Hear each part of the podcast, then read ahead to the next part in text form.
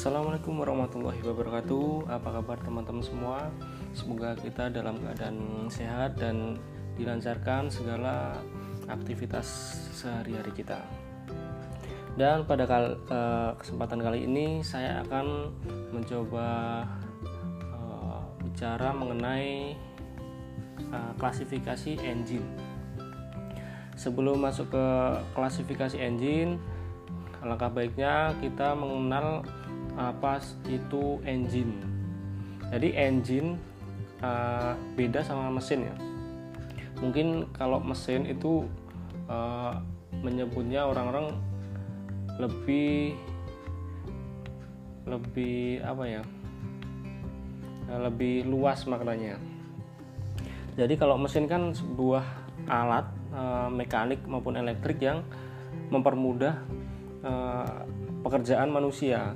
Jadi kalau engine itu sendiri, engine adalah suatu alat yang menghasilkan tenaga melalui suatu proses tertentu, uh, yaitu tenaga panas atau thermal diubah menjadi tenaga mekanis. Itu definisi engine. Jadi kalau misalnya ada yang bilang uh, mesin mobil misalnya ya itu sebenarnya mobil itu udah mesin. Mobil itu uh, suatu mesin untuk mempermudah kita uh, berpindah dari tem satu tempat ke tempat yang lain. Cuma kalau udah udah kita mungkin udah biasa uh, mesin itu adalah engine itu sendiri. Jadi engine itu terdapat beberapa klasifikasi engine atau kita mengenal dengan combustion engine itu terdapat dua dua dua apa namanya? Dua tipe ya. Yang satu adalah internal combustion engine yang kedua adalah external combustion engine.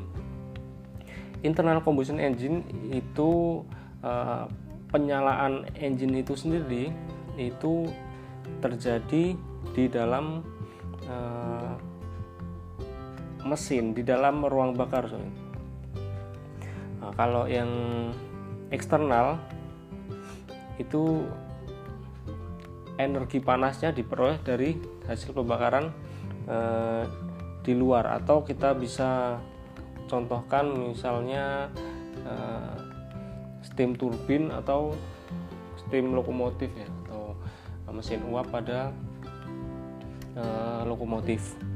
Kemudian yang internal combustion engine kita sering menjumpai di kehidupan kita yaitu yang dipakai pada mobil-mobil sekarang atau kendaraan sekarang.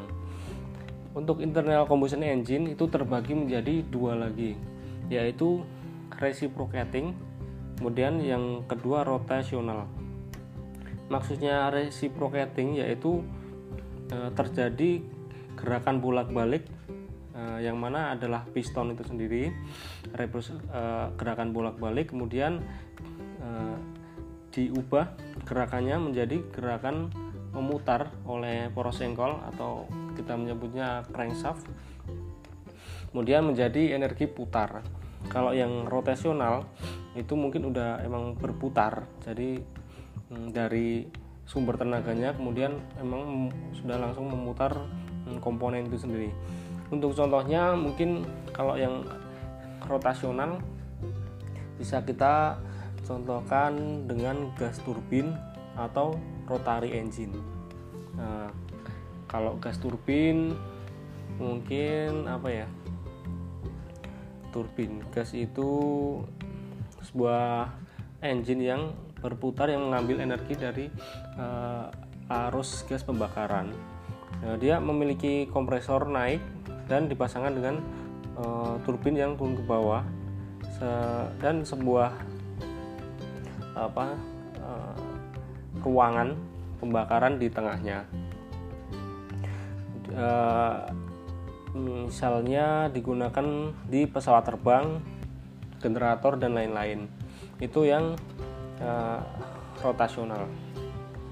Kalau yang reciprocating itu terbagi menjadi dua lagi yaitu diesel engine dan gasoline engine. Nah, ini mungkin uh, akan saya bahas di episode selanjutnya.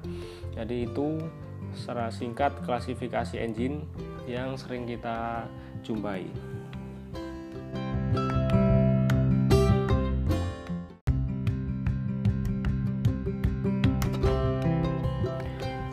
Mungkin itu dulu yang bisa saya sampaikan. Semoga bermanfaat. Assalamualaikum warahmatullahi wabarakatuh.